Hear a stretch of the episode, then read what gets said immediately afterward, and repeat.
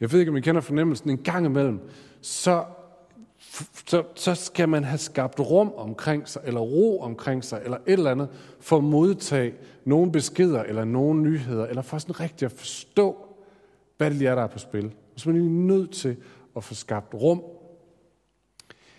Og det er det, adventstiden handler om. Den handler om at skabe rum i os. I gamle dage, så kaldte man adventstiden for den lille faste.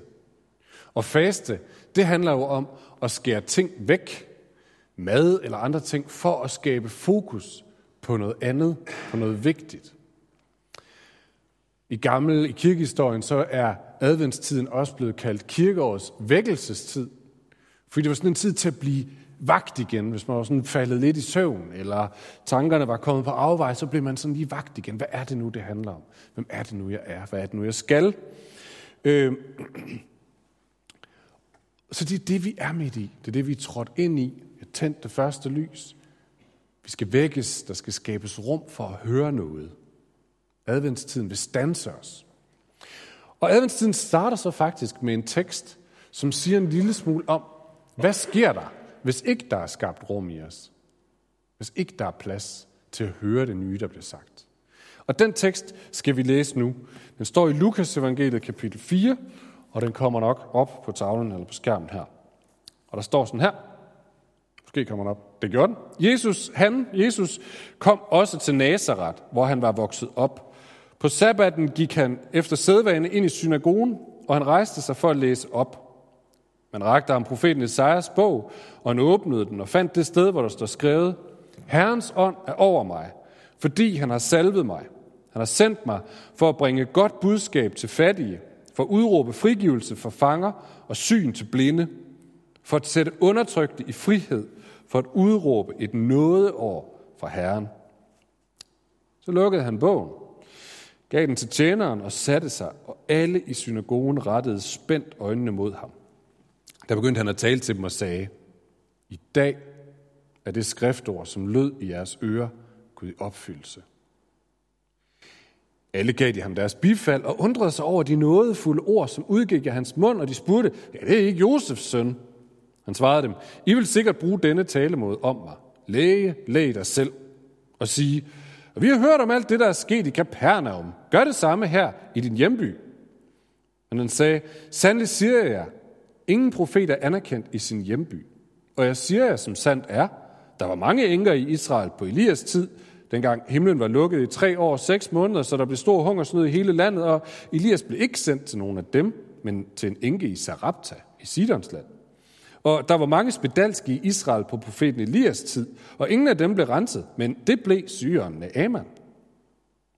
Alle i synagogen blev ude af sig selv af raseri, da de hørte det. De sprang op, jo ham ud af byen og drev ham hen til kanten af det bjerg, deres by var bygget på, for at styrte ham ned. Men han banede sig vej mellem dem og gik. Så, det er altså en beretning om Jesus. Han er kommet i gang med sin tjeneste om at forkynde Guds rige og vise Guds rige, og nu er han altså kommet tilbage til Nazareth, der hvor han voksede op. Og folk i byen er, synes, det er fedt, han er kommet. Det er før internettet, det er før telefonen, det er ikke så tit nyhederne lige kommer. Og nu er der kommet en mand ud fra den store verden med en masse spændende ting. Så de gør det, man plejede at gøre, inviterer ham ind i synagogen på sabbaten, hvor de alle sammen er samlet. Og der kan man, øh, så kan man invitere ham op til at læse dagens tekst, og så kommentere på den. På den måde kunne han, kunne han få fortalt det nye, han havde lært, det han havde set. Så det gør de.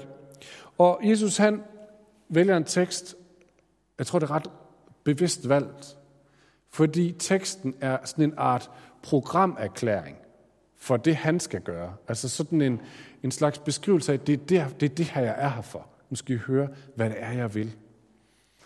Og han henter den fra Isaias bog, som er skrevet 700 år før Jesus cirka. Og der står sådan her, som vi læste, Herrens ånd er over mig, fordi han har salvet mig. Og så kommer hele det her programerklæring. Han har sendt mig for at bringe godt budskab til fattige, for at udråbe frigivelse for fanger og syn til blinde, for at sætte undertrykte i frihed, for at udråbe et nådeår fra Herren. Det er Jesu programerklæring, og det er en sindssyg programerklæring. Altså prøv at forestille jer, vi har lige haft kommunalvalg, forestil jer en lokalpolitiker, som stiller sig op på byrådsmøde eller på, på vælgermøde og siger sådan her. Jep, jeg har tænkt mig at bringe godt budskab til fangene, til fattige. Jeg vil udråbe frigivelse af fanger. Jeg vil give nyt syn til blinde, og jeg vil sætte de undertrykte i frihed. Stem på mig. Forestil jer en politiker, der siger på den måde, så tænker man, ah, slap af, mand. Men forestil jer lige det samfund, der ville opstå, hvis han fik magt, som han har agt, som man siger. Altså hvis det, hvis det skete sådan, som han ville det. Forestil jer det samfund, hvor alt det, han lovede, det skete. De fleste af os sidder allerede og tænker, ja, ja, ja, det kommer aldrig til at ske. Det er bare politikere, det der. Men Jesus er ikke politiker. Og hvem er han så? Jo, det starter han med at sige, han er Guds salvede. Herren har lagt sin hånd på ham og fyldt ham med sin ånd. Så hans løfter, det er ikke bare sådan nogle smukke, optimistiske, men lidt naive drømme fra et eller andet menneske. Nej, det er den almægtige skaber og konge og far, som lige løfter sløret for, hvad er det, han er ude for. Han er her ikke for at høste stemmer. Han er her for at sige, det er det her, jeg kommer til at gøre. Det er det her, jeg vil. Det er jordens retmæssige konger, som træder ind på scenen, og så siger han, nu er jeg her, og her er min plan. Planen om at genoprette verden. Det er planen om at udrydde alle, al ondskab og os alle sår og ar efter ondskab og uretfærdighed.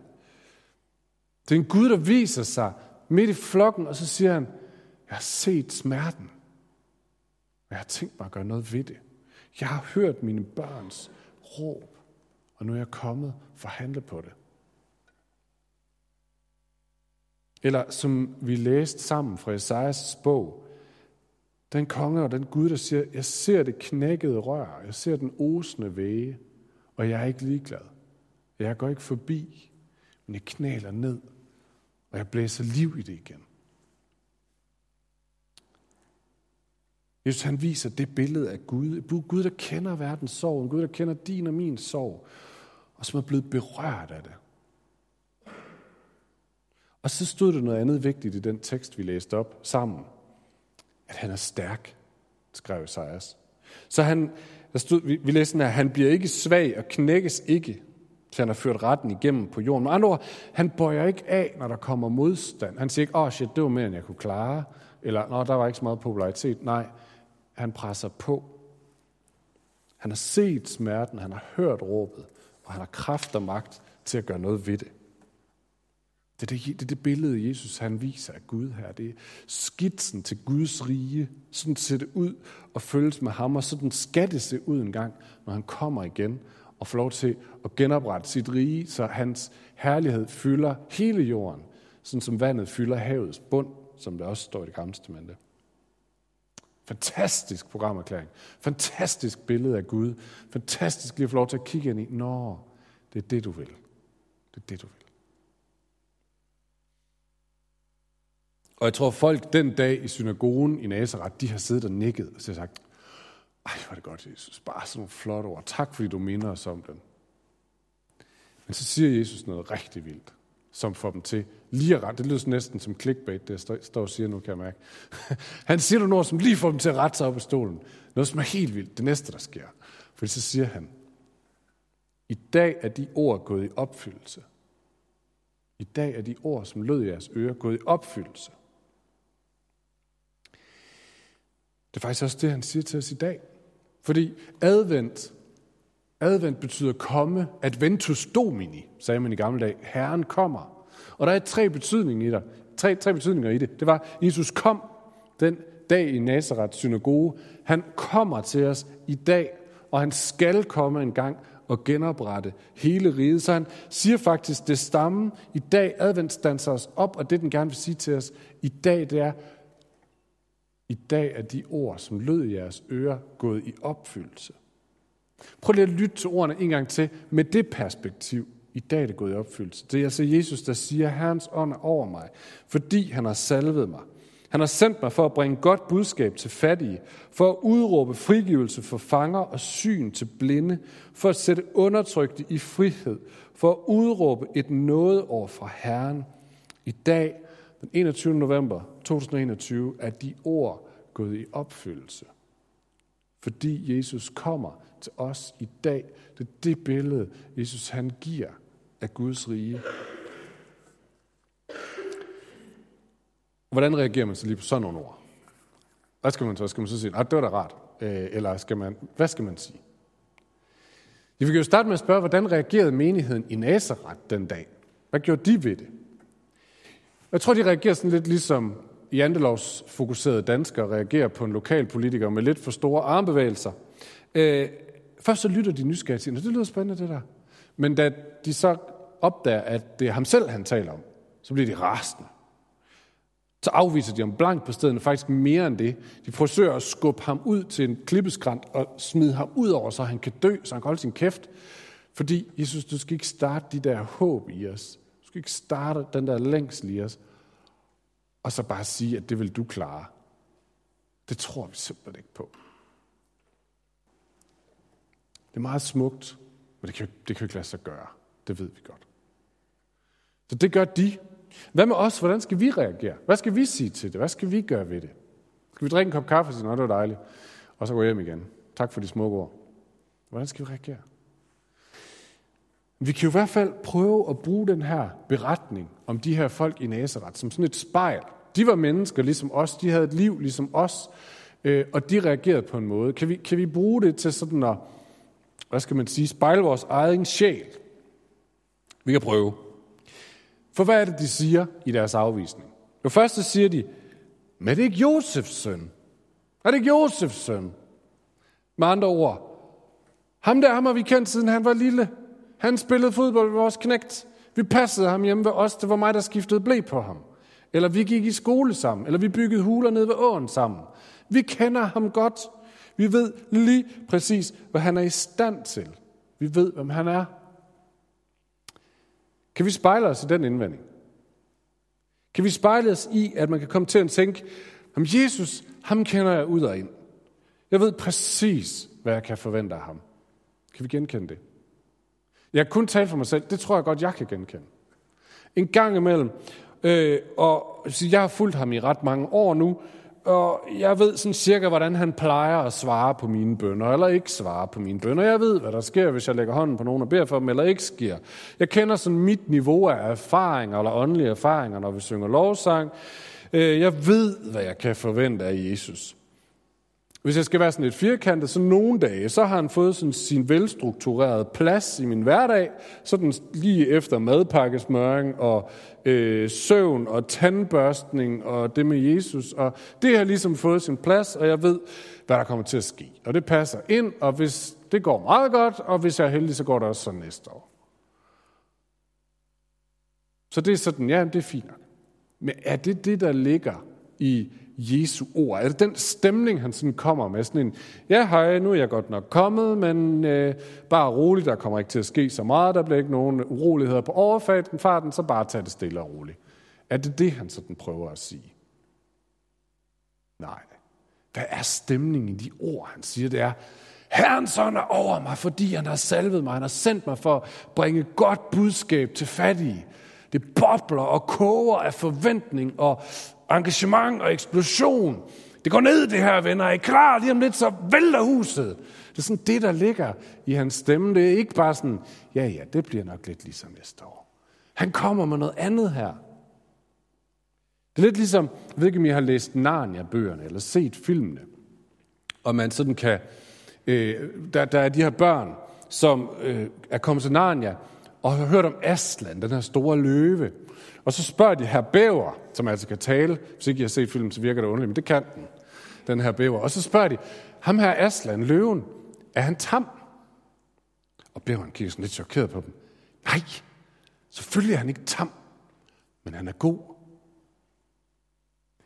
Hvis vi tror, vi kender Jesus ind og ud, og ikke forventer det helt store af ham, så kender vi ham slet ikke. For han er ikke tam.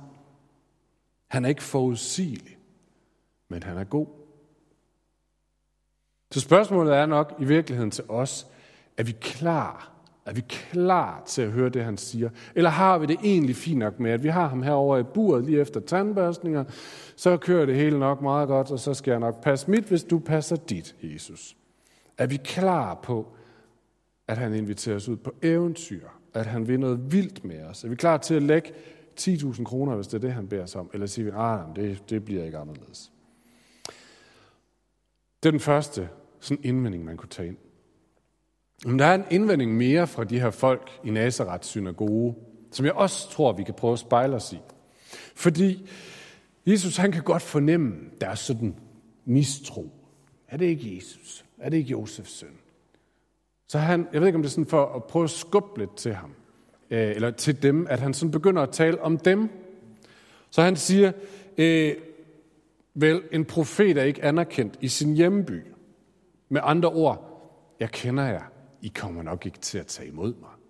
I kommer nok bare til at være ligeglade. Lad os lige prøve at bruge det som et spejl for os. Fordi er det noget, vi kan genkende? Har vi et billede af os selv, som ikke levner plads til, at Jesus kan gøre mere? Det første var altså, har vi et billede af Jesus, som gør, at der ikke er plads til, at han kan gøre noget nyt. Det andet er, har vi et billede af os selv, som ikke levner plads. Det kunne jo være, at du havde det sådan her. Ej, jeg er ikke nogen særlig åndelig person. Jeg oplever ikke noget særligt med Gud. Jeg har ikke nogen store erfaringer, og jeg har ikke nogen åndelige følelser. Jeg kender mig selv. Eller det kan være, at du har det sådan her. Åh, jeg kender mig selv. Jeg er typen, som skifter helt vildt. Den ene dag, så er jeg helt heroppe med Jesus, og den anden dag, så bliver jeg altså...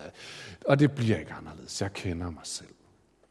Eller det kan være, at du er typen, der siger, men jeg vil virkelig gerne det der med Jesus, men jeg har altså alt det her synd i mit liv, som jeg ikke kan komme af med, og jeg bliver ved med at vende tilbage til det, og det bliver aldrig anderledes med mig. Jeg kender mig selv. Du behøver ikke række hånden op, hvis du kan genkende dig selv i nogle af dem her. Men måske kan du. Måske tænker du, jeg ved måske godt, at Gud han har sikkert tænkt sig at gøre nogle store ting, men det bliver ikke med mig. Og det bliver ikke igennem mig, fordi jeg har ikke det, der skal til. Måske igennem nogle andre, men ikke igennem mig.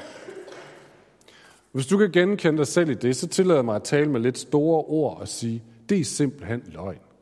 Det er simpelthen løgn. Prøv at høre, hvad det er, øh, Jesus han siger. Hvem er det, han taler til i de her ord? Jo, han siger, det er til de fattige. Det vil sige dem, der ikke har nok. Det er til fangerne. Det er til dem, der ikke kan slippe fri af det, de sidder fast i. Det er til de blinde. Det er dem, der ikke kan se eller overskue noget som helst. Det er til de undertrykte. Det er dem, der ikke kan eller tør rejse sig selv. Det er til dem, der har det, som om de var et knækket rør eller en osende væge. Det er dem, han taler til. Det er os, han taler til. Os, der kan genkende os i det. Det er den slags folk, som Gud han har brugt hele historien til at lave mirakler igennem. Bibelen og kirkehistorien er fuld af den slags historier. Så Moses, I husker ham fra det gamle testamente, han var, hør nu efter, han var en desillusioneret 80-årig mand, før Gud han kunne hive ham ud og sætte ham til at gå i spidsen for sit folk og lede dem ud af slaveri, den største befrielsesaktion i verdenshistorien. David, som blev konge, han var sådan en overset no one, øh, som ingen regnede for noget, og Gud brugte ham til konge. Rahab, også fra det gamle testamente, var sandsynligvis en prostitueret, men hun kom til at være stammoder til Jesus. Peter, han var en ustyrlig fisker, men han blev prædikant for tusindvis af mennesker, der kom til tro på én prædiken. Det kan vi andre kunne drømme om. Lazarus, han var død. Paulus, han var sådan en irriterende kloge, og moder Teresa, hun var en albansk nonne på en meter og 52, som ikke havde nogen erfaring af Gud de sidste 50 år af sit liv. Det var dem Gud han brugte. Det er dem Gud han bruger. Du har dine ting, jeg har mine ting, men der er ikke noget af som helst af det, som har nogen betydning for, hvad Gud kan gøre i os eller igennem os. Esajas siger på et tidspunkt sådan her, han dømmer ikke efter, hvad hans ører hører, eller hvad hans øjne ser. Han dømmer ikke ligesom mennesker dømmer. Vi kan tænke, at vi kender os selv, men skaberen kender os langt bedre. Og For ham var det ikke en fejl, at han skabte dig sådan, som du er. Det er ikke nogen hindring for, at han kan bruge dig. Så hvis du hører Jesu ord om alt det, som Jesus han har tænkt sig at gøre en dag, frigivelse for fanger, syn til blinde, så videre, og så videre. Og det, som han har tænkt sig at gøre i dag igennem, og i os, der tror på ham, men dybest ned tænker, ja, men det bliver nok ikke igennem mig, for jeg kender mig selv. Eller, jeg kender Jesus, jeg ved, hvad jeg kan forvente. Hvis du kan genkende dig i det, så har jeg lyst til at give dig en lille hjemmeopgave. Nemlig at bruge den her adventstid til at bede en meget, meget enkel bøn. I stedet for sådan lidt at have hænderne over kors, eller sådan tænke, ja, det bliver ikke til noget. Så prøv at række hænderne frem, og så sige, ja, Jesus, overrask mig. Overrask mig, Jesus. Jeg har det altid selv sådan, når vi kommer til adventstiden, at jeg tænker, puh, ja, ja, mit liv, mit hoved er godt nok fyldt med alt muligt andet, og mit fokus er ikke specielt rettet på Gud. Jeg er mere optaget af, hvad jeg selv kan formå. Jeg har bare brug for at række mine hænder ud til Gud og sige, Jesus, overrask mig. Mind mig om, at du ikke bare passer hen i buret, men at du kommer til at rykke den her verden. At du ikke bare er en lokal politiker, men at du, at du er skaberen. Mind mig om, at du kan sætte alting fri, at du kan genoprette alt, at du kan tilgive alt, at du kan skabe håb i selv de mest forfærdelige historier, som den David delte lige før. Mind mig om, at du kommer med noget, som er nyt, og skab rum i mig. Jesus, overrask mig. Måske, og her kommer så udfordringen, for du skal lige også være forberedt. Fordi når du beder den bøn, så er det ikke lige sikkert, at det sådan er økonomisk velstand eller succes på datingmarkedet, han har tænkt at lægge i din turban. Fordi det er ikke sikkert, det er det, der er hans plan for dig nu. Øh, måske udfordrer han dig til at træde ud i noget, som du slet ikke kan overskue konsekvenserne af. Du faktisk ikke lige ved, holder det her. Jeg ved ikke, jeg ikke din situation, jeg ved ikke, hvad hans næste skridt er for dig. Måske udfordrer han dig til at give slip på noget af det, som du støtter dig til lige nu. Din sikkerhed, din kontrol, din penge, din tid. Måske siger han, prøv at give det til mig. Prøv at give slip. Fordi som sagt, han er ikke tam. Det kan godt være, at vores vision det er, at please bare give mig sådan et rimeligt middelklasse liv, hvor jeg kan forudse det hele, og jeg har styr på min økonomi, og det alt bliver godt og rart.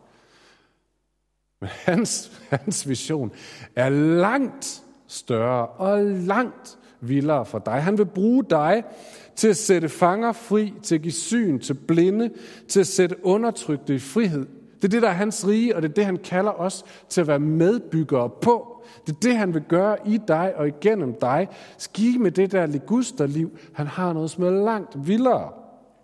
Og hvordan det ser ud for dig, det ved jeg ikke, men det ved han. Så måske, måske er det noget hos dig, inde i dig, han skal starte med at have lov til at helbrede. Noget, der skal sættes fri eller helbredes. Måske er du også bare klar til at blive sparket afsted på eventyr. Han ved det. Han er ikke tam, men han er god. Han er virkelig god. Og det er det adventstiden, som de vil stanse os op her. Første søndag i advent, vi har tændt det første lys, der er tre tilbage, der er god tid. Stans os op, skabe rum, og siger, er du klar til at høre det her? Er du klar til at høre om ham her, kongen, med de her planer, som vil gøre det her i dig og igennem dig? Eller vil du egentlig helst bare have ham til at blive over i buret? Det er lidt ligesom den salme, som vi sang i starten. Første linje, gør døren høj, gør porten hvid. Jeg tænkte, hvad, hvorfor skal vi synge det? Det var en underlig linje. Hvorfor skal man synge, gør døren høj, gør porten hvid, altså bred? Jo, det er fordi, den er blevet for lille. Det er fordi, den er blevet for lille. Gør døren større. Skab, hvad hedder det, mere rum for dine forventninger. Forvent, at Gud kan gøre mere, og han vil gøre mere. Inviter Jesus til at overraske dig. Hvis noget af det, vi har snakket om her, rammer dig, så gå ned til forbøn bagefter. Morten og siger, at de er helt vilde efter at få lov til at bede for dig. Det kan være, du har noget konkret. Det kan være, du også bare siger, jeg har bare lige brug for at blive bedt for. Måske skal du bede med på den her bøn. Jesus, overrask mig. Det har jeg brug for. Det kan også være, at du tænker, at jeg har brug for lige at få tegnet et lidt større billede af, hvad Gud, hvem Gud er, hvad det er, han vil. Så den her adventstid, den er fuld af tekster, ligesom den, vi lige har læst, som tegner store billeder. Så du kan gå ind og finde Bibel selskabets øh, app, fordi de har hver dag nogle af de her tekster. Så kan du læse med på dem igennem adventstiden, og sådan lad Gud få lov til at, at tegne et større billede af, hvem han er i dig, og lad det for, forstørre dine forventninger til ham. Lad os bede sammen.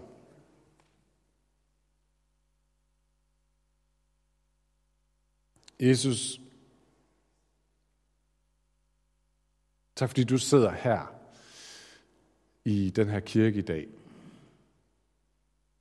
Og så siger du med sådan et glimt i øjet, i dag er de ord, der, hører, der lød i jeres ører, gået i opfyldelse.